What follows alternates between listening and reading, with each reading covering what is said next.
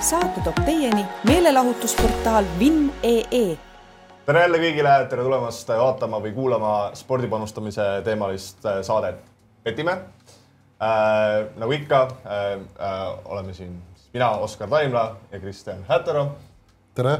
aga seekord nagu näha äh, ei ole vahepeal äh, Andre lühemaks jäänud või, või midagi, meil on äh, siis Andre lihtsalt äh, välismaal tööasju ajamas ja esimest korda saame tervitada saates saatekülalist, kelleks on Kristjan Tamlak. tere! võib-olla alustuseks, alustamegi sellest, et äh, anname võimaluse, Kristjan, sul ennast tutvustada, et Kristjan siis on äh, äh, pikalt spordi panustamise äh, nii-öelda maailmas töötanud äh, mitmes erinevas firmas äh, nii-öelda trading tiimide eesotsas juhina praegu siis Sports IQ-s äh, Head of Trading, et võib-olla tutvusta lühidalt, kuidas sa üldse näiteks äh, spordipanustamise maailma sattusid ja siis võib-olla lõpeta äkki sellega, et mi, mi, milline näeb siis äh, nii-öelda spordipanustamise maailmas Head of Trading'u igapäevatöö välja mm? -hmm. no ma arvan, et äh, esiteks, et kuidas ma sattusin äh, äh, väga sarnaselt nagu enamus teist ja üldse, kes siia satuvad, et äh, suhteliselt noorena alati suur spordifänn olnud ja ja minu puhul ühel hetkel ülikooli õpingute kõrval otsisin nagu poole kohaga tööd ja CV Keskusest jäi silma, et otsitakse sportstreiderit ja kõlas huvitavalt muidugi spordi äh, fännile. sa teadsid sel hetkel, mis asi on sportstreider? ei teadnud mm, -hmm. et äh, guugeldasin, üritasin aru saada, tegelikult ikka ei saanud, et äh, läks mõnda aega, kuni läksin intervjuule ja ma arvan, et see hetk, kui sa esimest korda satud sportsbooki sisse ja näed kõiki ekraane, näed jalgpalli, korvpalli nendel juba see hetk oli see, et vot see oleks midagi üliägedat, mida teha. ja, ja niimoodi ma sattusingi, et alguses poole kohaga ülikooli kõrvalt, mingi hetk sai sellest täiskohaga töö ja nii vaikselt nagu edasi liikunud. ja nüüd, kui sa oledki edasi liikunud, on ju äh,, sa oled siis nii-öelda karjääriredelil jõudnud sellisesse punkti, et sa oled erinevates firmades olnud äh, nii-öelda juhtfiguur, et äh, võib-olla sa räägi, mida, mida siis üks, üks trading tiimi juht äh, igapäevaselt teeb ja kuidas see nagu välja näeb mm? -hmm. ma arvan, et see on ka ta on mingil määral hästi erinev, äh, kus äh, erinevates firmades, et äh, väikestes, suurtes firmades ja hästi erinev ka valdkonnas, et kui sa oled reaalselt niisugune bookmakeri juures, on see võib-olla Eesti näitel Coolbet või Olibet või Betsafe, midagi sellist, on see natuke teistsugune, kui kui mina töötan isiklikult B2B firmades nii-öelda, kes pakub erinevatel sportsbookidel teenust. et ma arvan, bookmakerite juures on hästi palju sinu roll juhtida, et see day-to-day töö töötaks, et äh, treiderid äh, paneksid õiget koefitsiente ülesse, me oleksime rahul sellega, mis on, meie website näeks hea välja, me teeniksime kasumeid ja nii edasi. et päeva lõpuks hinnatakse ikkagi kasumite järgi seda, pluss siis muidugi see, kuidas sa suudad oma tiimi juhtida, üles ehitada, produkte üles ehitada ja nii edasi et võib-olla B2B firmades lisandub veel see faktor, et seal sa oled tihti klientidele see nii-öelda esindusnägu kus, kus sa suhtled siis klientidega, äh, kus sulle antakse tagasisidet, kui hea või halb parasjagu produkt on ja kus sina pead siis seda nii-öelda äh, firmat esindama ja lisaks, lisaks ka siis äh, selle tagasiside võtma ja enda produkti parandamisse viima, et, et ta võib olla niisugune, ta võib olla sellisest tiimijuhi tööst kuni niisugune tippjuhi töö välja sa ütlesid, et sa oled nagu B2B poolel, mitte sportsbooki poolel, et tahaks küsida, et sa valisid raskema tee, et ma mõtlen, et kui sa oleksid äh, töötaksid Kihlveo kontoris on ju, siis äh, juhina siis su, suur osa su tööst oleks see, et saad sõimata teenusepakkujad, aga kuna sa oled teenusepakkuja, siis hoopis sõimatakse sind. jah, sõimata saamine on paratamatult suur, äh, suur osa sellest, aga ma arvan ka kõigil nagu peaaegu kõigil tippjuhtidel, kes tegelevad äh, äh, klient, aktiivselt klientidega, et see, see nagu mingil määral käib äh,, käib käsikäes, et äh, ei olnud, ei olnud teadlik valik, lihtsalt kuidagi on, on juhtunud nii. Aga palju sa ise muidu nagu äh, meil siin saade on, on ju spordi panustamise saade, et äh, palju sa ise näiteks spordi panustamisega tegeled igapäevaselt? Äh, ma arvan, et see on, et natuke sarnaselt ka paljudele, siis kui ma siia sellesse nii-öelda industrisse tulin, siis alguses väga palju. Äh, spordihuvi ja kui sa said ka natuke teadmisi, kuidas see köögipeal toot-, töötab, siis tundus jube huvitav äh,. ja, ja ühel hetkel ma sain aru, et ma suudan ka võitvalt panustada tänapäeval ma ei tee seda peaaegu et üldse. Äh, ja peamine põhjus on sellest, on aeg, aga, aga teine on jah, et ka see, et kui sa sellega iga päev tööl tegeled, see on sinu töö, elu, ma arvan, et mul tänapäeval niisugune viiskümmend, kuuskümmend tundi nädalas. et äh, sellisel juhul äh, võib-olla see huvi ja pinge natuke kaob ära, pluss sa tead ka seda köögipoolt, sa tead, kui raske see on. et, et ma arvan, et on olulisemaid, lihtsamaid viise, kuidas raha teenida et selleks, et spordi panustamisega just raha teenida, sulle peab see väga, just see panustamise pool, see adrenaliin, mis sealt tuleb väga meeldima. ühesõnaga äh,, Tamlak, ma tänases saates pöördun siis, kuna mõlemad on Kristjanid, siis ma pöördun Hääter ja Tamlak, et Tamlak vihjas siin, et äh, meil nagu vabal ajal polegi midagi targemat teha, et me töötame ja siis vabal ajal ka panustame.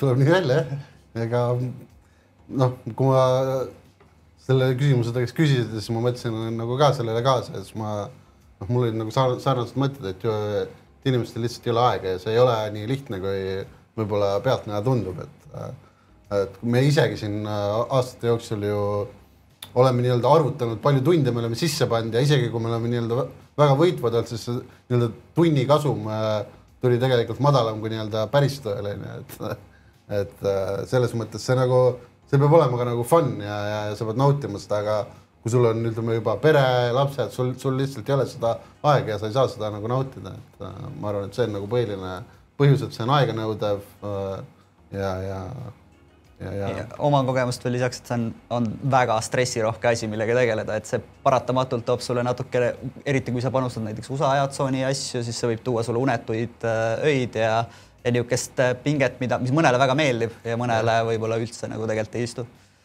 ja võib-olla omas kogemuses ka, et nagu mida aeg edasi, seda rohkem nagu äh, sa üritad ka oma panustamist teha nii-öelda automatiseeritumaks, onju, et sa peaksid vähem neid tunde nagu raiskama ja et see, aga see, see ongi nagu ma arvan, et isegi kõige suurem, et kõige, kõige suurem challenge ei ole see, et nagu võitult panustada, vaid just ongi see, et, et kuidas optimeerida seda aega, mida sa kulutad sellele. Ja siis noh, loomulikult see, et saaks oma panused tehtud, sest, sest limiteeritakse. Aga ja võib-olla jah, me korra peatusime sellele, et, et, et, et ja üldse, üldse nagu ma olen tähele pannud, et selles nagu valdkonnas töötavad inimesed on ju nagu vähe, vähe panustavad, on ju, üks on nagu aeg, aga samas ma olen ka nagu näinud, et on äh, on ka suht, suhteliselt palju nagu inimesi, kes küll panustavad, aga teevad seda nagu nii, nii väga äh,, väga nii-öelda mm, mis see eestikeelne sõna on, recreational on ju, et, et ei tee seda nagu väga mõtestatult, et äh, kas te arvate, sellel on ka mingisugune põhjus või see on nagu ongi lihtsalt see, et inimesed teevad seda for fun pigem mm,? ma ei tea, ma arvan, et sinna spordipanustamisfirmadesse satuvad paljud spordifännid, kes vaatavad sporti ja, ja, ja ju neil on siis oma neil sellised arvamused, mida nad tahavad väljendada panustades, et ilma sinna võib-olla liiga matemaatiliselt. jah, ja, ja ilma, ilma nagu süvenemata, et neil on lihtsalt, nad on mis iganes spordiala fännid, et ja, ja, ja, ja arvavad ilmselt ise nad võib-olla ei saa arugi sellest, et nad nii-öelda nii enamused, et nad on nagu nii-öelda kaotavad mängijatega, aga jah. jah, ma lisaks veel selle, et gamble imine või panustamine üleüldiselt on niivõrd emotsionaalne tegevus, et üliraske on seal ennast hinnata. ma arvan, et keskmine inimene, kes tegeleb mingil määral äh, panustamise, gamble imisega mingil määral, ta, ta on kindlasti noh, keskmine inimene on mingil määral sõltuvuses kuidas, kui ta sellega aktiivselt tegeleb, mitte kõik, aga, aga üle poolte kindlasti.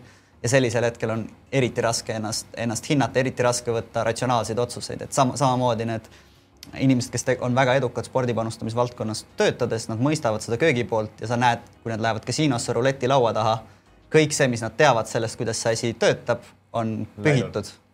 ja ei, see on, see on väga hea märkus ja tegelikult äh, ma, ma arvangi, et edukal spordipanustel nagu üks faas, mis on väga oluline, kuhu jõuda. ja noh, ma ise õnneks tunnen, et ma olen nagu sinna jõudnud ja ma arvan, et Hätera puhul samamoodi, aga ja kuhu on väga raske jõuda äh,. Ongi nagu see, et näiteks oletame, et sa oled mingisuguse võistkonna suur fänn, onju. ja siis, aga siis, siis sul on nagu nii-öelda kõik matemaatika klapib, et tegelik väärtus on nagu teisel poolel, et sa siis umbes suudad selle panuse teha äh, sinna nagu vastasele, aga see ei, nagu ei sega su eraelulist vaatamist, sa saad ikka olla nagu minna mängule ja olla oma võistkonna poolt, mis siis, et sul nagu, et sa suudad eraldada need kaks. aga okei okay,, meil on siin päris pikk äh, sissejuhatus olnud.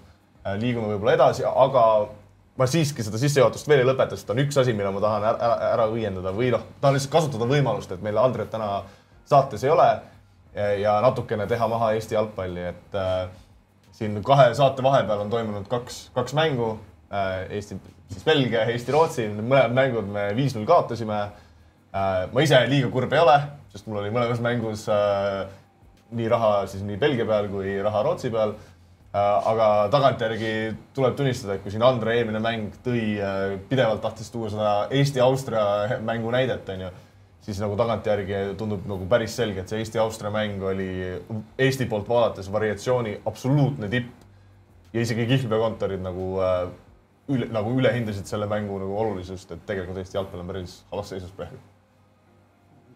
ma olen nõus Ask jah, me üld, üldiselt küll, ma arvan, et see ei olnud ainult Eesti-Austria mäng, et tegelikult kui sa vaatad viimased paari aastat tulemusi või niisugune kolm-neli aastat tulemust, siis ma, ma pigem arvan, et me oleme ületanud ennast, mitte ainult selle koha pealt, et mis, kuidas, mis on see, mis on see, kas me, kui palju me oleme võitnud või vigistanud, aga ka, et kui, kui napilt me oleme kaotanud teatud mänge ja nii edasi, et et kui sa praegu vaatad ikkagi koondise algkoosseisu ja pinkigi, siis see. mõtle sellele, et Belgia mängus on ju, et see Rootsi, peale Rootsi mängu küll muutus, aga, aga enne Rootsi mängu ja Rootsi mängu ajal oli events hand või noh, nii-öelda võrdsete otsadega handicap oli üks koma viis Belgia. et nagu tagantjärgi see tundub nagu natuke jabur. jah, ja aga jah, ongi, kui sa vaatad seda koosseisu hetkel ja võib-olla siin viiekümne aasta tagusega võrreldes, siis meil on Poola esiliiga mängijad, kes seal võitlevad Äh, selle eest, et platsile saada Eesti liiga, kes me nägime, kuidas Euroopas äh, mängiti, et, äh, et tase on kindlasti noh, pigem on, pigem on langenud noh, kümne aasta jooksul kohe kindlasti, kui meil olid nagu tippajad, et lihtsalt klubide järgigi juba vaadata. ja mul tegelikult jäi kõrva, kõrvu miski, mida Martin Reim ütles, ütles peale saadet, peale mängu jalgpallistuudios, peale Belgia mängu. et ta tõi näite, et kui väikeriigid tahavad olla pallimängudes või võistkonnasportides edukad et siis nad peaksid just, äh, nagu võib-olla keskenduma rohkem nagu mingitele konkreetsetele sportidele, no näiteks Island on jalgpallile keskendunud, äh, Läti on keskendunud hokile ja korvpallile, Leedu ainult korvpallile onju. ma olen sada protsenti Martin Reimiga nõus. lihtsalt vahe on selles, et ma arvan, et see kindlasti ei peaks olema jalgpall. minu jaoks see tundub natukene nagu jabur, et äh, jalgpall on Eestis kõige enam rahastatud sport äh, äh, olukorras, kus me oleme stabiilselt Euroopa ühed nõrgimad, aga samal ajal meil on näiteks võrkpallikoondis, kes iga EM-finaalturniir on kohal, meil on korvpallikoondis, kes äh, võib õnnestumise korral mängida Euroopa äh, meistrivõistluste finaalturniiril, mis mitte top kaheksa koha eest, on ju. et äh, ma ei tea. on sul mingi arvamus? no mul ei ole numbreid, aga jalgpall toob ülekaalukalt raha sisse kõige rohkem väljaspoolt. nii-öelda UEFA toetuste näol. Need rahad on väga suured, ükski teine klubi Eestist ühelgi teisel spordialal ei saa sinna isegi ligi lähedale, eks ole. jalgpalli käib kõige rohkem inimesi trennis, lapsi, maksavad raha, jalgpalliklubid suudavad ennast ise majandada. üliväiksed, esiteks ja noh, teine asi muidugi see, et äh, väikestes sportides on palju lihtsam edu leida, eks ole. sa võid öelda, et hoki, no hokit mängib maailmas võib-olla kümme-viisteist riiki, noh. see on nagu, seal on märgatavalt lihtsam, okei okay,, ma ei tee siin, Läti on suurepärane saavutus, kuna need hoki tippriigid, eks ole, nad mängivad siin on võrdselt mänginud siin Rootsiga ja Soomega, kes on absoluutsed tipud ja need on nagu ülisuure, üli, ülisuured alad nendes riikides, eks ole. aga siiski nagu sa ei saa seda jalgpalliga võrrelda. jalgpall on maailmas kõige populaarsem spordiala ja siis noh, üheksakümmend viis protsenti, üheksakümmend üheksa protsenti riikidest on jalgpall number üks. jah, ma tahtsin ka sellesama pointi tuua, et näited, mis sa tõid Läti ja Leedu Läti, Leedu, Soome, ma arvan, Euroopas on ilmselt ainsad kolm riiki, kus jalgpall ei ole selgelt number üks spordiala pluss ma no, lisaks pluss Eesti et, tegelikult ka. kui sa, kui me räägime siin väikeste rahvaarvudega riikidest, näiteks Sloveenia, kes on Eestist äh, natuke ainult suurem riik, nad said siin meeste võrkpallis on saanud äh, päris palju medaleid järjest, nüüd viib, noh, see aasta said pronksmedali, eks ole. Nad on äh, korvpallis Euroopa meistrid, nad on meeste jalgpallis mänginud finaalturniiridel. ma, ma ei näe nagu põhjust, ma arvan, et see probleemid on palju sügavamad kui lihtsalt nagu see paar miljonit siia-sinna nagu et kui siin nii-öelda rahast rääkida, et midagi arendada, siis oleks vaja juba kuskilt väga suuri summasid või kuidagi väga õnnestuda mingite teatud inimestega, kes siis suudaksid seda neid teadmisi nagu edasi anda meie treeneritele. ma, mina isiklikult arvan, et kõige suurem puudus on nagu meil pole seda jalgpallikultuuri nagu äh, mängijatel nagu noorest peale nagu, et need treenerid, kes üles kasvavad äh, nagu mängivad noh, teatud tüüpi, nad ei teagi, kuidas õigesti treenida, nad ei tea, kuidas õigesti mängida, nii-öelda õigesti siis ütleme, et nii nagu tipptasemel, et kuidas, kuhu, kuidas sinna jõuda nagu.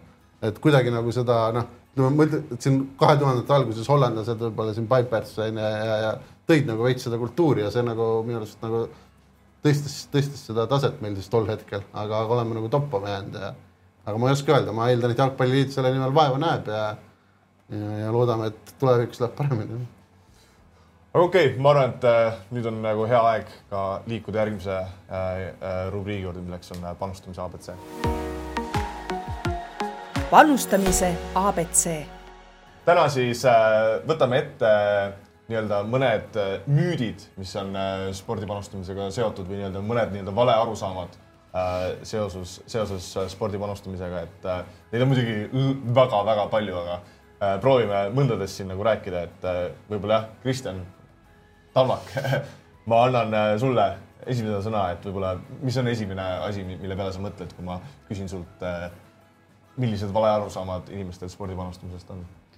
ma, ma olen ise hästi palju teinud nii-öelda loenguid ja rääkinud sellistel teemadel, et neid on hästi palju, aga noh, ma võib-olla lihtsalt alustan sellest, et äh, kuna sa küsisid mult ennem ka, et mis see head of trading'u töö on, siis äh, ma võin rääkida, et äh, kuidas inimesed kujutavad ette, et milline see sportsbook tegelikult siis välja näeb või kuidas need koefitsiendid luuakse ja kuidas kogu see masinavärk käib versus kuidas see tegelikult on.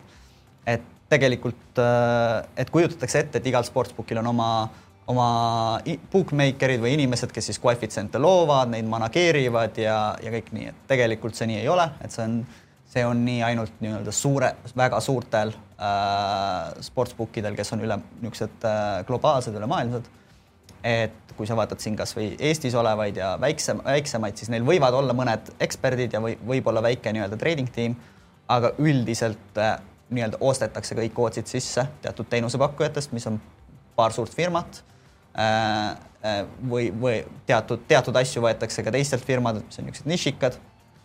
ja, ja siis nende see tiim lihtsalt suures, suures pildis võib-olla lisab sinna natukene väärtust ja tegeleb võib-olla klientide profileerimisega, aga suures pildis, kui sa vaatad kihlveokontoreid siis, siis üheksakümmend viis protsenti nende pakkumisi on copy-paste üksteisest ja, ja kogu see hinnastamine käibki üksteise copy, copy-paste, copy-paste imine, et teatakse, kes on need, kes siis, kes siis päriselt suudavad luua neid hindu ja teised kõik copy-paste ivad neid. Äh, ja erinevad vahed tulevadki sisse margin itelt, mis siis lisatakse sinna ja teatud väiksed äh, erinevused.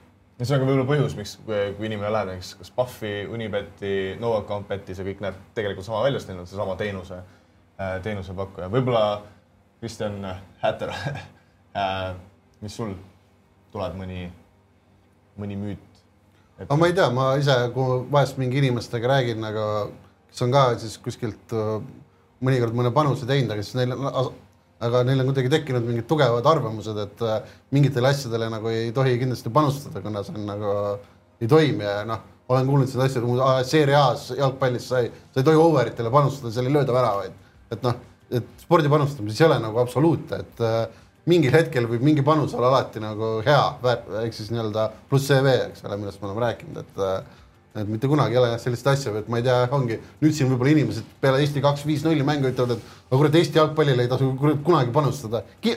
kindlasti on Eestis vähemalt üks inimene, kes peale neid mänge ütles, mina ei panusta enam kunagi Eesti jalgpallile, see, see on, see on mõttetu, et, et noh see on äh, jah, see on, see on üks asi, mis on mulle kõrva jäänud. ja selliseid asju tõesti jah, kuuleb väga palju nagu äh, inimestelt ongi, et kas et nii kõrgele ootsile ei tasu mitte kunagi panustada, siis see ei tule mitte kunagi ära, onju, et noh, reaalsus on see, et, et kui sul on ootus on viiskümmend, siis sul on vaja kahte protsenti ja pikas perspektiivis nagu realiseerub, onju. või et umbes, et mingi, ma ei tea, overite peale ei taha panustada või et ei taha mingi, mis iganes, onju. et alati on see ikkagi nagu äh, matemaatiline nii-öelda tõenäosused ja siukseid asju nagu jah, nagu sa ütlesid, absoluute ei ole. aga võib-olla selle mõtte nagu äh, äh, jätkuks, siis ongi nagu see, et äh, või noh, teie mõlema mõtte jätkuks et ongi see, et võib-olla veel üks äh, vale arusaam või, või no mida ma tihti kuulen, on umbes see, et, äh, noh, et kihlveokontorid teavad või et umbes, noh, nemad teavad, kuidas seal on või et, et nad üritavad kuidagi sind räppida seda, et nad tahavad, et sa panustaksid seda, sest tegelikult see on mingisugune lõks, vaata. siis nagu tegelikkuses äh, ongi see, et no kihlveokontoritel, neil ei ole mingisugust äh, inside informatsiooni või mingisugust lisateadmisi sealt mängult, et, et nagu, nagu, nagu jah Krist-, Tammak mainis, on ju, et see on, tegelikult on üksteise copy paste imine ja see põhineb siis nii-öelda sellel targal rahal, mis turule tuleb, mille järgi neid nagu otse nagu liigutada. jah, kui sa mõtled nii, siis kihlveokontorid pakuvad korraga tuhandeid äh, mänge erinevat, kümnetelt erinevatelt sportidelt, et neil lihtsalt pole aega tegeleda sellega, et nad üritavad lihtsalt äh, hoida oma koefitsiendid võimalikult turu kesk, keskmiselt, üritatakse hoida turu, võimalikult turu keskel ja nad teavad, et nad teenivad kasumit siis, kui nad suuri vigu ei tee ja siis ja võib-olla veel üks asi on see, et, et nagu teoreetiliselt vastab nagu tõele äh, justkui, et see oli noh, või jah, et niimoodi see bookmaking algas, on ju. Et sa võtad selle margin'i, on ju, et oletame fifty-fifty asi, on ju, ja siis on üks kaheksakümmend seitse odds, üks kaheksakümmend seitse odds ja siis sa üritad raha mõlemale poole sama palju saada, on ju, et siis justkui on äh, garanteeritud kasum, on ju. aga nagu tänapäeval see tegelikult enam nagu ei vasta tõele, et äh, tahad võib-olla täpsemalt rääkida, et see, see, et kui, kui ma ei tea, kõik, kõik panustavad mingis mängus Manchester Unitedi peale, on ju, ja kellega iganes Bayerniga mängisid, eks, aga Bayerni peale üldse raha ei tule, on ju, siis see ei tähenda seda, et kihlveokontor kohe tõttaks neid otse nagu muutma. Nojah, sest äh, bookmaker ikkagi, ta pakub nii-öelda neid tõenäosuseid äh, siis koefitsientides äh,, mis ta arvab, et mis on nagu tõesed. ja see, et seal mingid fännid näiteks panustavad ühele poole, see nagu ei muuda seda fakti, et et need tõenäosused on neil õiged nagu, et nad, nad lihtsalt ei usu neid inimesi, et muudaksid võib-olla ainult siis, kui noh kui, kui sul on mingi teatud kasutaja, kes paneb sinna no, suurema panuse, eks ole, nii-öelda markeeritud kasutaja. Et siis võib-olla nagu nad mõtlevad selle peale, et äh, natukene kohendada, aga jah äh,, nad ei otsi jah seda garanteeritud kasumit nagu ühe mängu nii-öelda lõikes, sest kuna sul on nii palju mänge, nii palju sporte, siis oluline on ikkagi nagu pikk perspektiiv, et äh, äh sa, kui sa muudad oma nii-öelda neid tõenäosuseid, et saada raha teisele poole kõrgema otsiga Äh, siis sa lihtsalt vähendad iseenda nii-öelda kasumit lõpuks. jah, et sa nagu lähtud ikkagi sellest, mis on nagu ja. päris, päriselt äh, sündmuse toimumise äh, tõenäosus on ju. kuigi jah, see on nagu natuke nagu strateegia küsimus ka, et või no selles mõttes, et noh, mingi valulävi kuskil neil on, on ju, mis no. riski nad on nõus võtma, et kui seal ikkagi tekib mingisugune nii-öelda risk, et umbes, et kuigi nad on kindlad oma tõenäosuses, aga umbes, et Manchester Unitedi peale on tõesti nagu tulnud nagu ma ei tea juba ja see oleneb ka kihlveokontori suurusest onju, aga on mingeid miljoneid onju, et siis nad nagu, siis nad muidugi natukene. Nojah, see on suht erandlik ikkagi selles mõttes, et äh.... no väiksemates kihlveokontorites no, võib-olla tihedamini. no ma, no oleneb jah, ma ei tea, mis need riskitaluvused on, ma ei oska niimoodi täpselt öelda jah, et äh,. no Krist Tamnak on. eks neil, eks neil on seatud vastavad limiidid, et nagu kui nad ei taha ühele poole rohkem raha saada, eks ole. Et... Äh. ma, ma olen, olen sattunud olukorda, kus äh, tänu boonuskampaaniale Äh, tuli meeletult palju inimesi, see oli kunagi BSG Reali mäng, äh, kes kõik tulid panustama viiki, sest see oli parasjagu see kihlveokontor pakkus turu kõige kõrgemat hinda. ja trading tiim ei teinud oma tööd, ehk ei pannud tähele, kuni nii-öelda siis risk läks liiga suureks selle firma jaoks. Äh, mis, mis ühest küljest nad muidugi tõstsid, langetasid kõvasti hinda Eh, et sinna mitte enam panuseid saada ja natukene teistele poole saada, et seda äh,, seda riski maandada. pluss lisaks veel mindi ise Betfairile, et sellest riskist lahti saada, et ehk siis kihlveokontor läks ise kihlveoturule, et panustada ise selle, selle vastu, et juhuks, kui kõige halvem juhtub, siis nad ei kaota vähemalt nii palju. no ja selleks muidugi sa pead olema valmis ja sul peab olema kapitali, eks ole, et minna pettida siis mitusada tuhat, eks ole, et mm -hmm. see oleneb jah firma suurusest, aga üldiselt nagu need panused, miks tehakse, siis firmad on nagu nõus neid kaotama, et see nagu lühikeses perspektiivis ei, ei ole. Need on jah erandlikud juhud. see on väga erandlik juhud uh,. võib-olla üks asi veel või kui teil võite lisada, aga üks asi, mis mul meelde tuleb, on see, et arvatakse näiteks, et uh, võib-olla mõlemat pidi arvatakse, et kui keegi on suur spordifänn, et siis ta on hea spordipanustaja, võib-olla isegi suur fänn ise arvab, et ta oleks hea spordipanustaja. aga nagu reeglina see siiski nagu, kui, kui sa nagu seal nii-öelda rohkem ei süvene, price shopping ut ei tee, nii-öelda protsente üle ei käi, siis, äh, siis üldiselt sa seda suur spordifänn ei, ei, ei tähenda seda, et ta oleks äh, võitlev spordipanustaja, pigem ta on just väga hea kihlveokontorile no.. ja no ma olen sinuga üldjuhul nõus ja pluss nii-öelda suure, suur spordifänn, ma arvan, et inimesed võib-olla siis nii-öelda kuidagi nagu ülehindavad seda, et nad on nagu spordifännid, et spordifänn ei ole see, et sa vaatad kord nädalas ühte Euroliiga mängu, eks ole. ma vaatan iga nädal Euroliigat nagu sa, sa pead vaatama sadu või tuhandeid korvpallimänge ja samal ajal võib-olla jälgima ka mingil määral nagu koefitsienti aru saada sellest maailmast, eks ole. et äh, siis nagu sul tekib see nii-öelda analüütiline nagu võime nagu neid äh, mängukäike ja võib-olla mängijate mis iganes tugevusi ja meeskondade tugevusi hinnata. jah, ma ütleks, et seal võib-olla väike vahe on, on ka sees, mis sport või mis liiga, mida jälgitakse, et, et need kindlasti meistrite liigad, NBA-d, noh, seal kipub tihti, kui sa just absoluutne totaalne ekspert pole, see sporditeadmine võib-olla isegi kahjuks tulema, sest sa hindad oma teadmisi üle ja, ja ei mõista seda, et kõik sinu, mis sa arvad, et mida sa tead, siis hindades, on juba ammu sisse arvestatud. aga on niisuguseid väiksemaid sporte, eriti mis kihlveoturul võib-olla pole veel nii hästi hinnastatud. ma arvan, et MMA on hea näide tihtipeale Äh, ma pole ammu jälginud, et äh, võib-olla nüüd on juba parem, aga mõni aastat tagasi ma teadsin küll inimesi, kes kihlveo maailmast väga palju ei teadnud. aga kuna nad MM-as teadsid nii palju, siis nad suutsid ikkagi neid price'e võita, sellepärast et seal oli lihtsalt pricing nii kehv tollal. jah, see on äh, väga hea märkus jah, et see oleneb nagu täiesti nagu äh, spordi, spordisündmuse tasemest. ja rääkides äh, spordisündmustest, siis äh, ma arvan, et ongi õige aeg minna järgmise rubriigi juurde tulevased spordisündmused. sügis on kätte jõudnud, mis tähendab seda, et korvpallihooajad hakkavad äh, ja muuhulgas hakkab ka kodune korvpalliliiga või siis Eesti-Läti korvpalliliiga, mis siis algab nii-öelda suure, suure mänguga, nii-öelda Kristjan Kanguri ärasaatmismänguga Tartu ja, ja, ja Kalevi vahel. et küll selleks hetkeks, kui me eetrisse jõuame, et me teeme seda saadet vahetult enne selle mängu algust, et selleks hetkeks, kui me eetris oleme, on see mäng küll läbi, aga sellegipoolest võib-olla põgusalt saame rääkida, et, et et äh, mul isiklikult on seal näiteks äh, Kalevi peal panus, et miinus kaheksa ja võib-olla siis äh, nii-öelda Kalevi handicap ja ka Paval on see panus. et võib-olla selle valguses natukene nagu rääkida, et et ka, et no on üritatud nagu nii-öelda taaselustada seda ja ka selle kanguri nii-öelda showmängu raames seda Tartu ja, ja Tallinna vahelist nagu nii-öelda mm, äh, rivaliteeti, rivaliteeti just jah, et äh, aga kas see natuke ei ole võib-olla kunstlik, et kui me ikkagi vaatame paberil neid võistkondi, et siis see on nagu minu meelest väga selge tasemevahe. see reaalne handicap võiks seal mingi üheteist, kümne juures olla, et, et mis te arvate? või, või on ikkagi teretulnud, et nagu ma arvan, et see meedia nagu osa ei, otse ei mõjuta, eks ole, et see, mida meedias kajastatakse, see nagu ei mõjuta otse võib-olla natukene, sellepärast mõttes, et kui me mõtleme sellele, et on ju, et Pinnakle on esimene, kes nagu avab need turud ja Pinnakle nagu ikkagi liigutab äh, algu-, oma avaturgudel nii-öelda paljuski action'i pealt, on ju, ja kui see action on siis äh, meedia, meedia põhjal äh, Tartu poole, et siis ta võib nagu alguses natukene ma ei ole aru saanud, et see meedia oleks nagu Tartut ise häipinud, mina ise ei ole seda tunnetanud. Et ma arvan, et see pigem inimestel on lihtsalt lootus, et hoitakse võib-olla nõrgemale nagu natuke pöialt ja loodetakse, et see nii-öelda tuleb põnev aga no ma ei tea, Pärnu võitis siin Graamot kaks aega tagasi, eks ole, et äh, miks, miks ka, äh, Tartu võiks seda praegu teha, ma arvan, et Tootsid olid tolle hooaja alguses palju rohkem kaldu Graamo kasuks kui, kui sel hooajal. nojah, aga tol ajal muidugi Pärnul oli ka niisuguse poten-, arenemispotentsiaaliga mängijaid, mida ma nagu no ega seda enne hooaega sa ei tea, sa ei tea. no ma saan aru, sa võid hinnata, aga aga reaalselt me ei tea seda. ma ei mäleta, et see, seda hooaja algust oleks keegi rääkinud. Pärnu võtab kuldmedali, eks ole. Tarmo, on sul mingi arvamus sellest?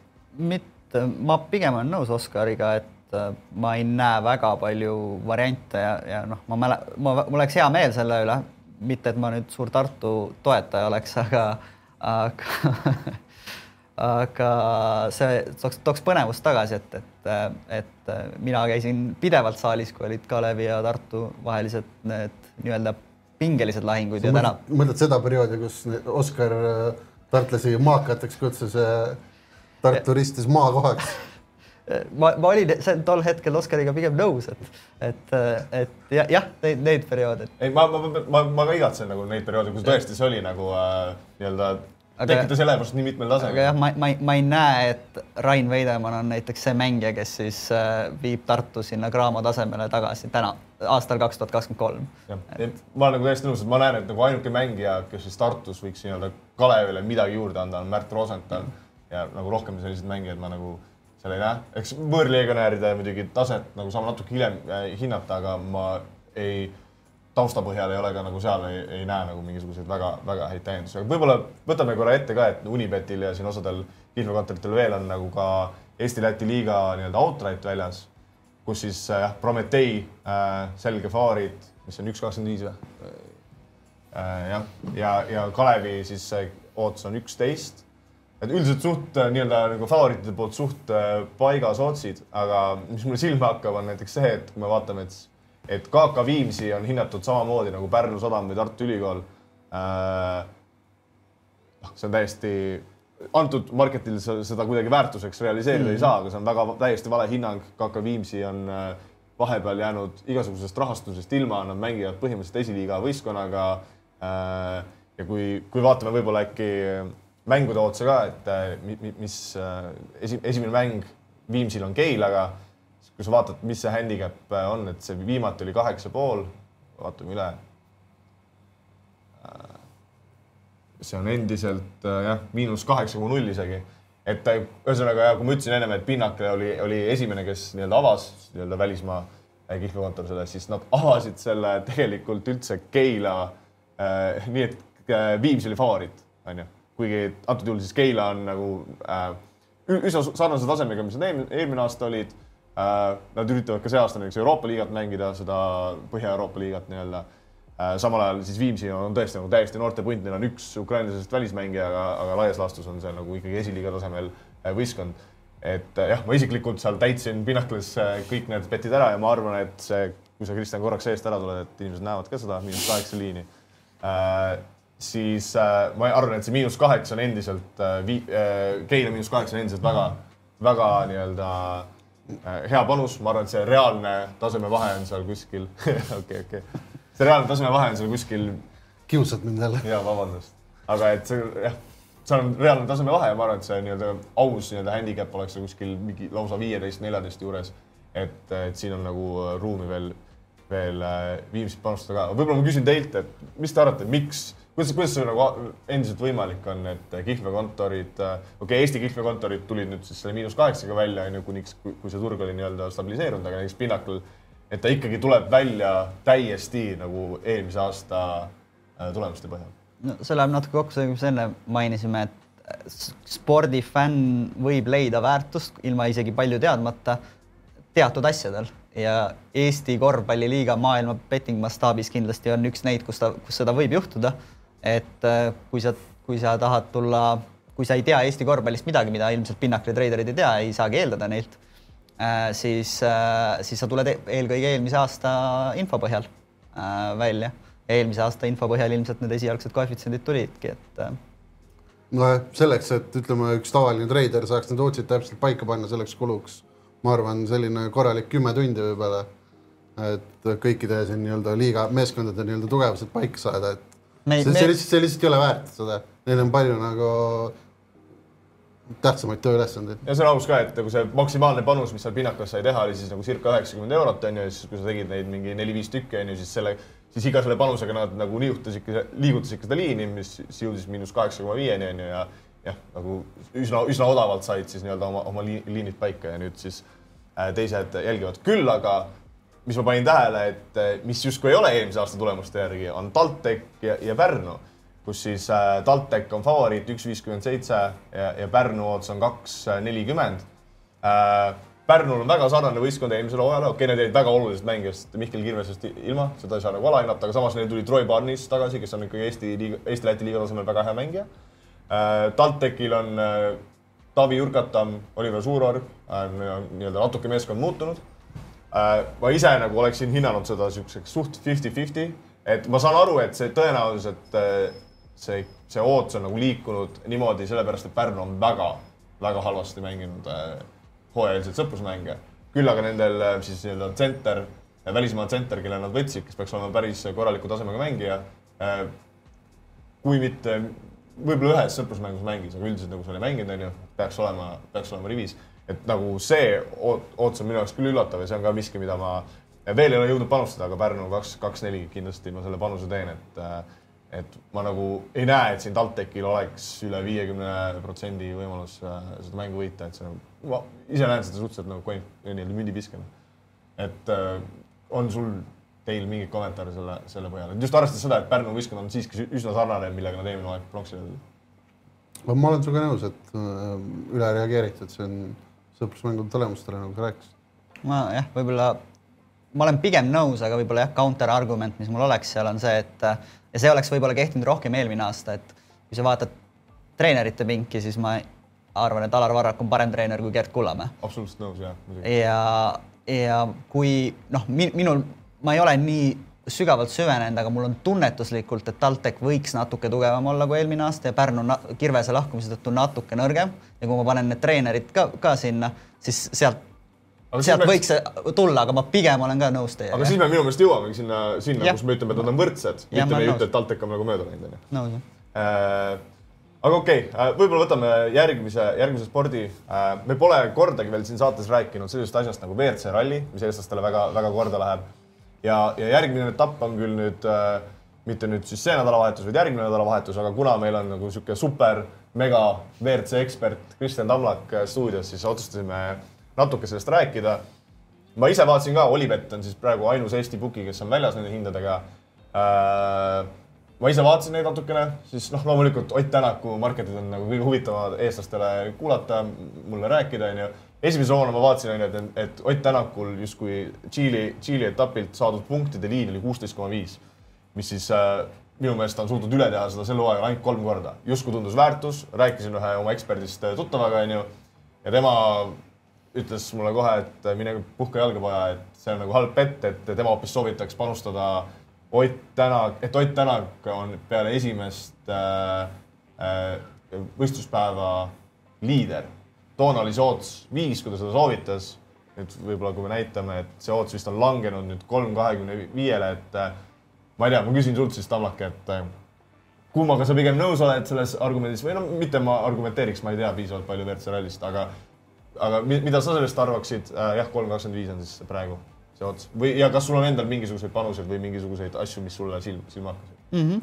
jah, vaat-, vaatasin ka üle need koefitsiendid ja tuleb tõdeda, et väga äh,, vägagi WRC panustamine on aastatega kõvasti arenenud, et nädal aega enne WRC rallit on nii palju erinevaid variante, millele panustada, et see. küll aga ainult Olivetis, et see on ja. keegi entusiast seal ilmselt ja. tegeleb sellega. absoluutselt ja, ja ütleks ka, et üldine ootside kvaliteet on kõvasti tõusnud, et paar aastat tagasi ma oleks WRC kohta veel öelnud, et see on ka üks neid sporte, kus lihtsalt sporditeadmise pealt on väga lihtne leida väärtust, et tänapäeval pigem mitte väga lihtne.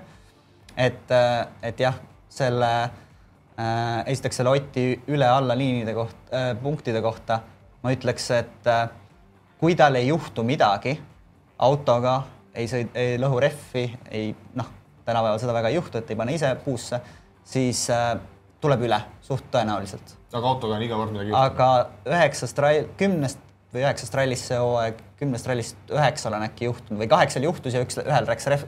Äh, Õhtuleht tegi hiljuti väga hea kokkuvõtte sellest, et väga tõenäoline midagi juhtub, seetõttu ma pigem kalduks sinna alla äh, poole see esimese päeva äh, äh, võit, see on, ma arvan, parem panus, sellepärast et kas see on nüüd selle viie sootsiga või ka selle kolm kahekümne viiega? see oli, viie sootsiga ma ütleks, et see oleks pigem hea panus, kolm kahekümne viiega ma ütleks, et see on pigem juba halb panus, et ma ise hindasin seda sinna kuskile tõenäosuseks kakskümmend viis protsenti, et niisugune ootus neli, et ja, ja noh miks ta tol hetkel oleks hea panus, on see seetõttu, et, et Otil on suhteliselt okei okay stardikoht neljandana, mis on kruusarallidel hästi oluline. suurimatel konkurentidel on kehvem stardipositsioon, ta on ainsa Tšiili ralli võitnud, ta võitis seal väga palju katseid, ta oli väga kiire seal. et kõik eeldused justkui on olemas, et ta võiks esimesel päeval vähemalt väga hea olla. aga see tõenäosus, et autoga midagi juhtub, on piisavalt suur. Ford ei ole nii kiire et seal on Esa-Pekka Lappid ja sellised mehed, kes võivad samamoodi äh, tagant tulla ja esimene päev väga kiired olla. et ma, ma seda ülisuureks ei hindaks, aga, aga jah, ma ütleks, et enam see panus ei ole väärtus, aga ta alguses oli. jah, ja seal nagu on äh, see, nii-öelda saab võrdlusi tuua, et nagu Ott, Ott Tänak oli vaatamata oma probleemidele on ju Rally Estonial väga kiire mm. -hmm. ja siin on nagu võrdlusi toodud, et Tšiili on võib-olla noh, mõlemad kruusarallid on ju nüüd nagu natuke sarnased mm. -hmm. et äh, kas see on ka sinu äh, sest sa oled sellega nõus, et kas sellest lähtuvalt on sul nagu mingisuguseid konkreetseid siis panuseid, mida sa ise, ise soovitaksid teha või teeksid ise? Nad on, nad on mingil määral sarnased, nad ei ole nüüd täiesti, täiesti samasugused, et noh, võib, võib ka võrrelda Soome ralliga, et Tšiili on ikka suhteliselt äh, laiad teed ja äh,, ja kiired teed äh,. et aga, aga ja ma, ma endale panin kirja paar panust, et võib-olla kõige, kõige kaks koefitsienti, mis mulle kõige rohkem meeldisid. et mulle meeldis vaadata just kuna Oti puhul see tõenäosus, et kas autoga juhtub midagi või noh, rehv läheb, midagi sellist on nii suur selle hooaja põhjal, siis ma väga kogu ralli vaates ei tahtnud võtta.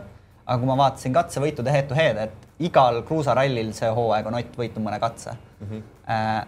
ja siis vaatasin näiteks Elfin Evansiga, äh, oli head to head ja Oti ootus oli seal kaks koma üks.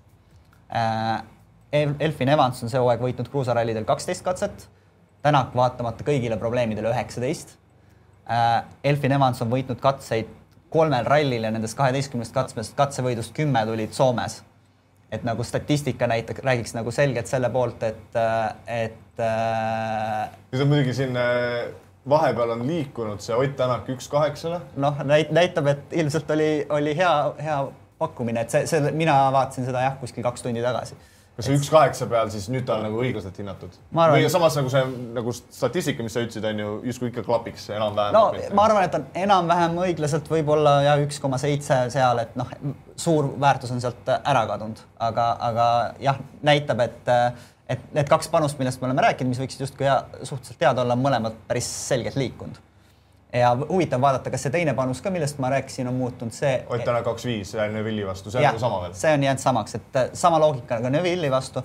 Neville'i ka kiiruskatsed Kruusal see aasta üheksateist, seitseteist Tänakule äh,.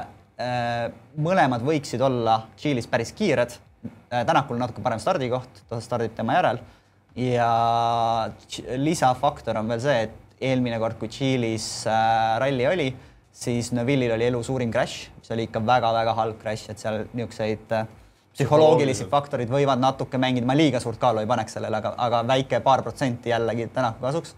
et kaks koma viis mina hindaks fifty-fifty suhteliselt, võib-olla isegi Tänakule väike eelis, aga suht fifty-fifty. sellisel juhul peaks see kaks-viis olema ju päris äh, mahlane koht, et kas äh, tundub mõistlik jutt, et Hätero, teed ise ka panuse? ma usaldaks küll. ma teeksin, kui volivõtt lubaks, aga kahjuks see nii ei ole. aga okei okay,, aga võib-olla siis, kui me juba siin äh, motospordist rääkisime, siis ma tean, et kõik saate fännid ootavad äh, Kristjan äh, Hätero spetsiaalselt vormel üks nurka, et äh, vormel üks nurka, et äh, võib-olla anna meile kiire ülevaade, et on sul mingid positsioonid äh, siis selleks, selle nädalavahetuse sõiduks ka? jah, Suzuka, üli äh, klassikaline F1 rada, kus on juba aastakümneid sõidetud äh,. Rajaprofiililt sarnaneb väga Briti Silverstone'ile. seal on äh, sellised keskmise kiirusega hästi kurviline rada, sul noh, siis sul on, siis on paar pikka nagu sirget ja on kiireid kurve ka, et aeglaseid kurve väga palju ei ole. et äh, DRS-i alasid on ainult üks stardisirgel, et äh, äh, et mina siis nii-öelda vaatasin, noh, võrdlesin eelkõige Silverstone'iga, siin on muidugi ilmselgelt äh, uute autode puhul päris palju uuendusi toodud ja asjad võivad nii-öelda etapilt etapile muutuda ka ja laias laastus ma näen, et siin Ferrari kannatab väga palju, siin äh, äh, rehvi kulumine saab olema väga, väga nagu tugev ja, ja Ferrari on terve hooaeg sellega hädas olnud ja, ja ma ei näe nagu kuigi, kuigi hindadest on nagu justkui näha ka, et nagu Ferrari ongi nagu äh, natuke kõrgemate hindadega, kui nad olid eelmisel etapil, aga see ei ole siis nagu piisavalt, jah?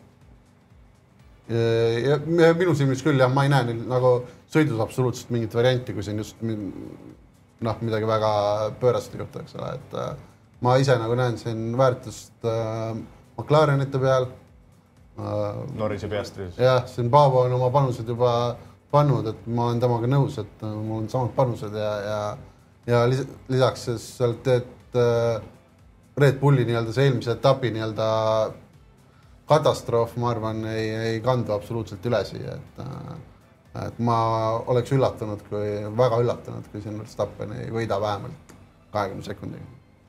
aga okei okay., ma arvan, et siis ongi hea aeg eh, võib-olla äh, kutsuda tagasi ühe saate vahele jätnud äh, äh, autokooli õpilase, et äh, anname talle ka võib-olla siis vormel ühes mõne, mõne äh, soovituse.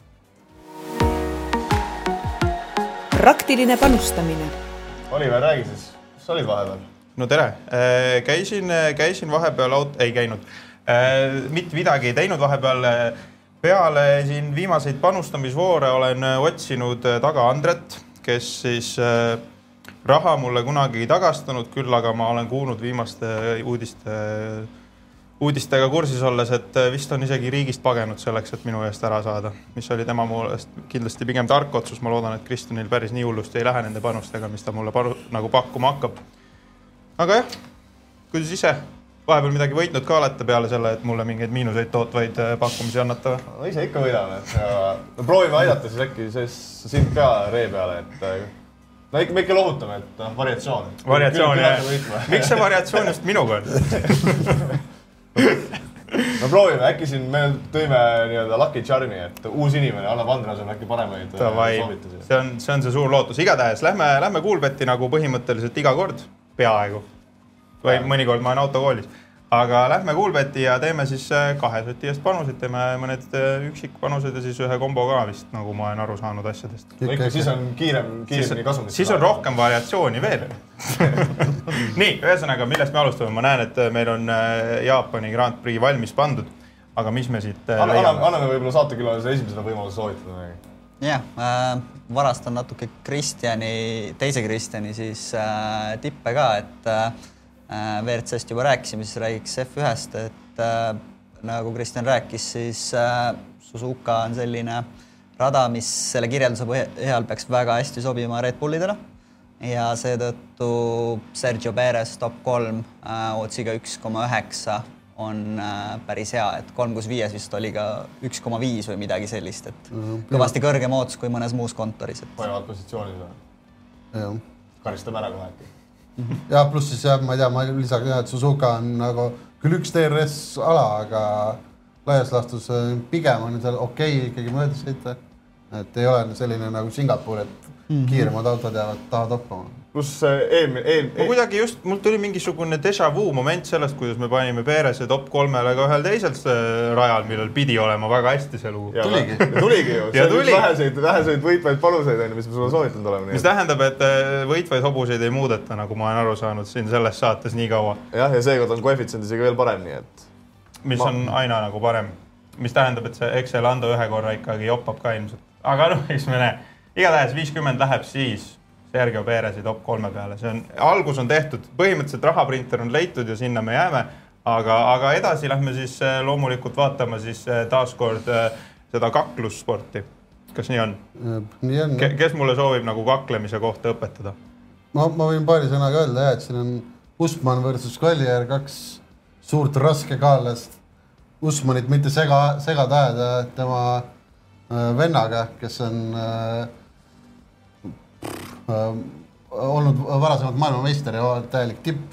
siin on tegemist äh, mitte rängitud Kehvema vennaga siis ühesõnaga. no väga palju, et äh, aga kuidagi ikkagi soosik. kas Kihlve kontor ajas ikka sassi või? Kihlve kontorit äh, sassi ei, ei ole ajanud, aga küll aga nad on üle hinnanud tema siin äh, viimaseid fight'e, kus ta on äh, äh, võitnud, et äh, nõrgemate vastaste vastu. Ma arvan, et siin äh, jah, Collier peaks olema üks kaheksa, üks üheksa kindlasti, et äh, et stand-up'is, kui ta suudab vähegi seda võitlust äh, vältida mahaviimist, siis, siis äh, peaks olema väga kerge võita. eks sa tahad väita, et tegelik soosik on, on siin allahinnatud? ja no mina paneksin Collieri võib-olla jah sinna viiekümne kolme, viiekümne nelja protsendi peale, et äh, no see, seega sa oled targem kui Kuulbeti panustaja või panuste need äh, tekitajad. No Väidad- seda me siin iga saade üritame väita, jah. jah, aga no variatsioon, no mis me oskame öelda, noh. teeme siis sinna ka viiekümnese ja lõpuks siis äh, lähme Eesti, Eesti äh, ilusast, ilusa spordi juurde tagasi. kindlasti natukene kõvem, kõvem niisugune tiim, kui see jalgpallikoondis meil on, aga, aga mis me siin nagu oskame pakkuda. kumb on parem, kas äh, Kalev või on Tartu? jah, kaks Eesti parimat korvpalliklubi ja me siis eh, ennist nat- natuke rääkisime sellest, et jah, Kuulbetil kahjuks veel ei ole väljas äh, neid Pärnu ja, ja Keila mängijaid, võib-olla seal oleks need väärtused natuke paremad olnud. tahad, ma refresh in ühe korra no veel? refresh'i äkki, äkki nad nüüd siis panid ülesse mm,. no vot, ei, välja. ei ole veel, nii et ei, ei jää muud üle, kui peame, peame sellele mängule panuse tegema, et Kuulbetil muidugi on see liin äh, punkti võrra kõrgem äh, kui teistel, ehk siis äh, ei ole võib-olla nii-öelda kõik, noh, ideaalne situatsioon, aga siiski see üheksa pool äh,, noh, ma ennist mainisin, et see hindan ise seda kuskil üheteist, kaheteist juures, et äh, et ma arvan, et see Kalev, Kalev miinus, üheksa pool äh, on, on nagu okei okay panus siin, et äh, et võin, võin, võin soovitada küll, et ma arvan, et sa saad ka siis võib-olla korvpalli, korvpalliga põhjust korvpalli see on ka avada. lõpuks nagu korvpalli nagu äh, positiivseks asjaks meie siin saadetes. täna, täna õhtul kell kaheksa. jah, no tegelikult muidugi see on ju selleks hetkeks, kui me eetrisse läheme, on juba, on nüüd, juba kui te seda näete, siis te võite juba kirjutada, et Oskar on jube loll, arvas, et nagu Tartu päriselt saab nagu rohkem kui kolmega tala. või siis jube tark, nägin kohe, et no seda võib-olla ei olegi vaja öelda, see on nagu variatsioon lihtsalt. teeme siis viiekümnese panuse siin ka, nii, aga tegelikult eh, need on niisugused head panused küll, aga tegelikult tahaks ju ühte korralikku koefi ka näha. no paneme need asjad äh, kombosse, aga võib-olla alustage siis Kalevist, aga ma ütlen, et kombo, kombo mõistes võta võib-olla, võtame, hajutame riski natukene. tahad lihtsalt nagu Kalevi võidu? ei, mitte Kalevi hüüdub, okei okay,, alternatiivliine vist seal ei olnud, onju, et siis peame ikkagi. nii, meil on äh, UFC, eks ole, jälle. UFC-s oli siis Collier. Collier ja siis äh, meie kolmas panus on mis? no ikka see, lähme sinna Ka- Kalevi juurde, aga, aga võib-olla siis ja, ikkagi hajutame riski, et paneme äkki siis äh,, kuigi see Moneyline'i, okei okay,, nii, siin on tulnud, siin on tulnud uusi market eid, väga huvitav. oli nüüd, nüüd te näete, kuidas Oskar teeb äh, live-analüüsi. nüüd te saate tõesti live-analüüsi teha, ma võtan siin propsid. endale kohe ette, et ma ise ei Kirvese lauapallid kaheksa koma viis tundub. Juba Ja- olemas. Kirvese laua, võib-olla siin ongi see koht, kus siis äh, peaks selle kombo asemel äkki tegema üksikpanuse, et rohkem väärtustada või mis te arvate äh,? sest et no meil on üksikpanused juba tehtud, et me saame nüüd siin ainult vahetada. okei okay,, no aga ma arvan, et siis see Mihkel Kirvese alla kaheksa koma viie lauapalli on tõesti väga hea panus äh,. mitu lauapalli ta eelmine aasta Pärnu eest võttis, tead? ja no kesk, kesk, keskmiselt ikkagi alla, ma arvan selle, et ma saan siit kohe äh, isegi selle järgi, järgi vaadata, aga, aga, aga mõtle ka sellele, et Pärnus nõus, Pärnust oli ikkagi noh, kindel kolmekümne minuti mees, aga Tartul, vabandust, Kalevil on seal eesliinis väga-väga suur konkurents. On.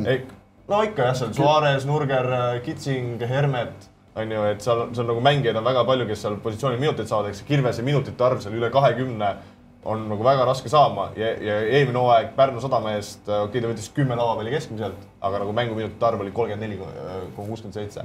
eks see matemaatika igal juhul klapib, et see on kindlasti väga hea panus, et, et äh, jah, sa oleks pidanud ikka ühe korra veel refresh ima, siis ma oleksin selle Kalevi võidu asemel soovitanud konkreetselt just nimelt äh, seda marketit, et kui sa siin vaatad, siis tegelikult ka Hugo Toom alla üheksa koma viie punkti äh, on, on täitsa okei okay panus, aga, aga jah, jääme siis, paneme selle Kirvese, Kirvese lauapalli tanderi. no teeme nii, siis saame Koefi saame peaaegu kaheksani, mis tähendab, et siit saab mingi, mis see on siis mingi kolm-neli sõidutundi ikka tänapäevaste hindadega vist on. jah, ja kui kaotame, siis Oskar teeb sulle ise sõidutunde. ei, siis on variatsioon, siis on variatsioon. okei. no teeme siis selle ka ära. ületad kahjuks oma limiite, paneme siis käsitsi kinnitamisele No selle värgi. küll nad kinnitavad, nad, nad teavad küll, et ma oskan gambleda ja kaotada.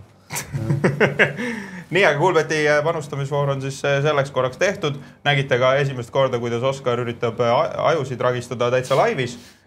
nägite, kui pikk see tema keskmine ana analüüs on ka. ja liigume siis vaikselt edasi järgmiste rubriikideni. teeme nii. panustaja Paavo aga on siis aeg võtta, võtta kokku Paavo vahepealsed äh, tegemised, et äh, Paavo siin kahe saate vahelisel ajal liiga aktiivselt äh, panustanud ei ole, aga mõned panused siiski olid, siiski olid. et kui me vaatame siis vahepealseid tulemusi, siis jah, võrreldes eelmise saatega on Paavo siis kuskil circa sada, sada eurot või üks panustamisühik või, või üks koma viis panustamisühikut miinuses, et äh, et, et ei ole kõige edukam aeg vahepeal olnud, aga noh, kokkuvõttes ikka väga ilusad numbrid, neljakümne kaheksa panusega kaks tuhat nelisada eurot kasum, kakskümmend neli siis nii-öelda panustamisühikut ja ROI on äh, ligi seitsekümmend seitse protsenti. aga vaatame võib-olla üle siis Paavo äh, need eelmised panused, eelmised kahe nädala panused, mis ta on teinud. ega seal palju ei olnud ja enamasti annab tooni vormel üks, kus siis Paavo oli äh, Mercedeste peal ja Paaval oli näiteks selline panus, et, et Mercedesed äh, mõlemad jõuavad top kolme. ootus oli kümme, muidugi siin äh, meil äh, üks saatevaataja tegi märkuse, et, et Paavo oli lohakalt äh, price shopping ut teinud, et Betsafe'is oli olla see lausa üheksateist koefitsient olnud. see oli ilmselge viga. see oli noh, viga, selge. no ühesõnaga äh, kümme, kümme oli see ootus äh,. Äh, ja kui me, kes, kes siis seda sõitu vaatasid, nägid, et see oli sellises seisus, kus tundus ainult vormistamise küsimus, et äh, Mercedesed olid värskete rehvidega äh, seal skalpimas, oli täiesti reaalne teha kaksikvõit, aga Carlos Sainzi, kas võib öelda geniaalne taktika rikkus, rikkus siis selle peo ära. Kristjan jah, Carlos Sainz võitis. ma ei nimetaks seda geniaalseks taktikaks. Mida ta siis tegi, oli see, et ta nagu jättis piisavalt väikse vahe Jah. Norrisega, et, et, et Norris saaks kasutada DRS-i on ju, et, et, et siis Mercedestel oleks raskem mööda sõita, et miks mitte geniaalne. no ma ei tea, ma ütlen, et e-spordis on kasutatud sedasama taktikat juba aastaid nii-öelda. et äh, ma ei tea, ma ei ole nagu üllatunud, seda oleks pidanud kasutama Monsas nädal tagasi, kui Ferrari'd olid kahekesi sees ja, aga Sainz äh, pani täiega gaasi, lasi Leclerc'i DRS-ist välja ja Red Bullid läksid mööda, et ma ei, võib-olla ma arvan, et äkki nad õppisid oma veast, eelmine nädal ma selle Itaalia GP ajal siis kirjutasin, et äh, et kui Ferrari hoiab DRS-i Leclerc'il, siis seal Monsas on üks koht möödumiseks tähtis sirge et kui äh, ta suudab DRS-is hoida ennast nagu teisel kohal, siis olla Sainzi DRS-is, et siis võib see möödumine väga raskeks minna, kuna Ferrari sirge kiirus oli ka ülivõimas. Aga jah, ma ei tea, Ferrari siis nii-öelda äh, ei teinud seda jah, et nüüd nad võtsid ennast kokku, tubli. aga ei, Paavo poolt nagu noh, kui sa üldiselt seda nädalavahetust jälgid, siis nagu jällegi riidid või nii-öelda, nii-öelda lugemine on ju, või need siis nagu panustamise teed olid nagu väga head, et see eh, Oliveri lemmiksõna variatsioon. no kvalifikatsioonivõitja oli meil siin üksteist Leclerc'iga, kes oli siis enne viimast sektorit äh, kümnendikuga ees, mis on F1 puhul päris arvestatav edu, aga tegi äh, vea viimasel sektoril ja ja ei, lõpuks siis kaotas kuskil seal äh, jah, null koma null seitsmega äkki ja, ja, ja jäi kolmandaks. jäi kolmandaks, et äh, et jah, Monsas samamoodi vähem kui kümnendik jäi vahe Carlos Sainziga, et kaks suurt tootsi on väga napilt nagu tulemata jätnud, et see on, seda võib nimetada jah, halvaks variatsiooniks, et äh, aga selline see spordi panustamine on, et äh, tuleb vaadata edasi ja, ja küll kunagi need kümnesed otsid ära tulevad. jah, ja kui te tahate, tahate vaadata edasi koos Paavoga äh,, kuidas need kümnesed otsid ära tulevad, siis äh, ühinege meie Facebooki kommuuniga Petime äh, ja, ja Paavo seal siis oma, oma, oma panuseid ka kõigiga jagab ja ma arvan, et ongi nüüd hea aeg siit minna järgmise rubriigi juurde. Küsimus nii, aga meil on äh, vahepeal tulnud siin ka päris äh, mitmeid äh, vaatajakirju. aga kuna meil ikkagi täna on eriline saatekülaline, siis võib-olla teeme seda natuke teistmoodi, seda, seda rubriiki, et oleme ise siis küsija rollis ja küsime sult, Kristjan Tammar. et võib-olla mõned inimesed, kes seda saadet on vaadanud, siis selle põhjal, mida me siin rääkinud oleme, võib-olla on tekkinud ka huvi, et hm, ma olen ka nagu spordihuviline ja, ja, ja, ja panustamishuviline või et et võib-olla küsimus, et kuidas üldse inimene, kes tahaks äh, sellisesse valdkonda näiteks töö, töö, hakata töötama sellises valdkonnas, et milline see tee võiks olla või kuidas, kuidas ta võiks siseneda äh, sellisesse valdkonda, mida, mida sa nagu vastaksid niisugusele küsimusele? no positiivse külje pealt ma alustaks sellega, et see on väga lihtne või üllatavalt lihtne. et äh, kui kas see töö ise siis või sinna siseneda? sinna sisenemine eelkõige. töö ise noh, on, on lihtsamaid töid seal ja raskemaid töid, et nagu iga, iga ala peal. Et äh, mis, kuidas äh, sisenemine üldiselt käib, on kihlveokontorid otsivad töölisi nagu iga, iga teine firma, mõned teevad seda CV Keskuse kaudu, et Eestis kindlasti firmad nagu Geenius Sports ja Sportradar ja Coolbet kohati ja ja, ja samamoodi need fir-, Betpava, samamoodi need firmad, kes Eestis on, neil, neil, neile saab otse kirjutada, ühendust võtta ja nii edasi. et igasuguseid treidereid, kes ongi siis nii-öelda bookmaker'id, kes tegelevad koefitsientidega või customer support'i või ka eriti kindlasti IT poole pealt, et tootejuhte, üldse arendajaid ja nii edasi, otsitakse kogu aeg. Äh, ja noh, siin ise treidingu poole pealt või bookmakeri koha pealt rääkides, siis äh, ma olles ise palganud kümneid, kui mitte sadu inimesi või noh, intervjuusid teinud ja nii edasi, siis üldiselt võin öelda, et mida me otsime tavaliselt sellisel alal on, et pea nohkiks, et tunneks huvi spordi vastu. ja ega väga palju muid, muid nagu faktoreid ei olegi ja isegi võib-olla ütleks, et üldiselt on nagu meeste ala ja nii edasi, siis elu on näidanud, et, et naisterahvad näiteks saavad sellel alal väga hästi hakkama ja tean, et kõik kihlveokontorid on, oleksid õnnelikud, kui neil oleks natuke rohkem naisterahvaid ka. nii et julgustan kindlasti ka äh, naisterahvastel kandideerima, kui keegi peaks huvi tundma, et äh, kohusetundlikkus äh, ja, ja niisugune äh, jah, niisugune rutiinitaluvus ja kõik see on võib-olla naisterahvastel palju parem aga samas jah, tänu sellele spordihuvile ja nii edasi on ikkagi, kipub olema väga meesterohke ala. Kristjan, tahad ka võib-olla Kristjanilt midagi küsida mm,? võib-olla seda, et äh, kui sa nagu ütleme, üks asi on see nii-öelda starting position ja see, et aga kui sa tahad nii-öelda päris karjääri teha, siis sul on vaja seal ikkagi ütleme üks või noh, mõned pügalad kõrgemale minna mm, -hmm. eks ole, et eriti kui sa oled juba nagu natukene küpsemas eas, et nagu noortele muidugi nagu mm -hmm. sobib, ma arvan, kõik, et eriti kuna see on selline väga paindliku tööajaga ja, ja väga paindliku nagu süsteemiga mm -hmm. valdkond. aga et ma küsiks, et kui sa tahad nagu karjääri teha, kas sul peab olema tingimata ka väga tugev mingi matemaatiline taust, et kõikidest nendest arvudest aru saada või, või, või sa pead olema mingitel aladel, spordialadel täielik ekspert? Äh, jah, ütleks, et ei, äh, mõlemale, et ma arvan, minu matemaatika oli kolm keskkoolis. et, äh, et tänapäeval ma saan matemaatikast, ma arvan, suht okeilt aru juba, et ma olen, ma arvan, vähemalt kesk, keskmine, aga, aga ei olnud kindlasti ma kunagi mingisugune matemaatika ekspert. üldiselt et ma arvan, ma arvan, et see roll on ülehinnatud, samamoodi sporditeadmised. ma, ma oleks, ma olen selles valdkonnas ja ma arvan, et see kehtib enamus valdkondade kohta, ma olen näinud kahte vii-, kahte tüüpi inimesi, kes nagu karjääri teevad ja edu saavutavad nii-öelda. ühed on need, kes on täielikud selle ala fanaatikud, on siis kas see sport või panustamine, et kellele meeldibki sellest rääkida, nagu me siin räägime ja mõelda ja panustada, et kui su üldiselt sellega kipub nii olema, et kui su töö on su hobi, siis sa oled selles päris hea. Ja teine on lihtsalt ambitsioonikad inimesed, et ma olen, olen näinud ka inimesi, kes saavutavad edu, kes ei panusta kunagi, vaevu vaatavad sporti, aga noh, a la näiteks juhi roll on täpselt samasugune nagu, et, et kui sa oled hea juht ühes valdkonnas või sul on need omadused olla hea juht ühes valdkonnas, siis sul on need omadused olla ka teises, samamoodi ilmselt IT-s äh, ja nii edasi. et äh, variante on igasuguseid, aga jah, ma ütleks, et üks kahest võiks olla, ideaalis muidugi mõlemad, et ambitsioon või väga suur huvi asja vastu. Aga kui, oleks mingi noor, noor inimene, kes nagu üldiselt on võib-olla ambitsioonikas, võib-olla ei tea, mis suund tal täpselt on, mis, mis valdkonda ta tahaks äh, siseneda ütleme, et sport, spordi panustamine huvitav, kas see on nagu selline valdkond, kuhu sa isik nagu olles kõik, kõik selle läbi käinud, onju, kas sa soovitaksid äh, nii-öelda siseneda sellisesse valdkonda? kindlasti äh,. ma arvan, et noh, esiteks ongi, kui sul on selle vastu huvi, siis sa tegeled millegagi, mis sulle meeldib äh,. teiseks noh, ma, ma arvan, et ta on rahv, väga rahvusvaheline, et sul on võimalusi, mina olen tööt-, töötanud Maltal, rääkimata siis, et me oleme kõik reisinud igal pool seoses, seoses, seoses oma tööga.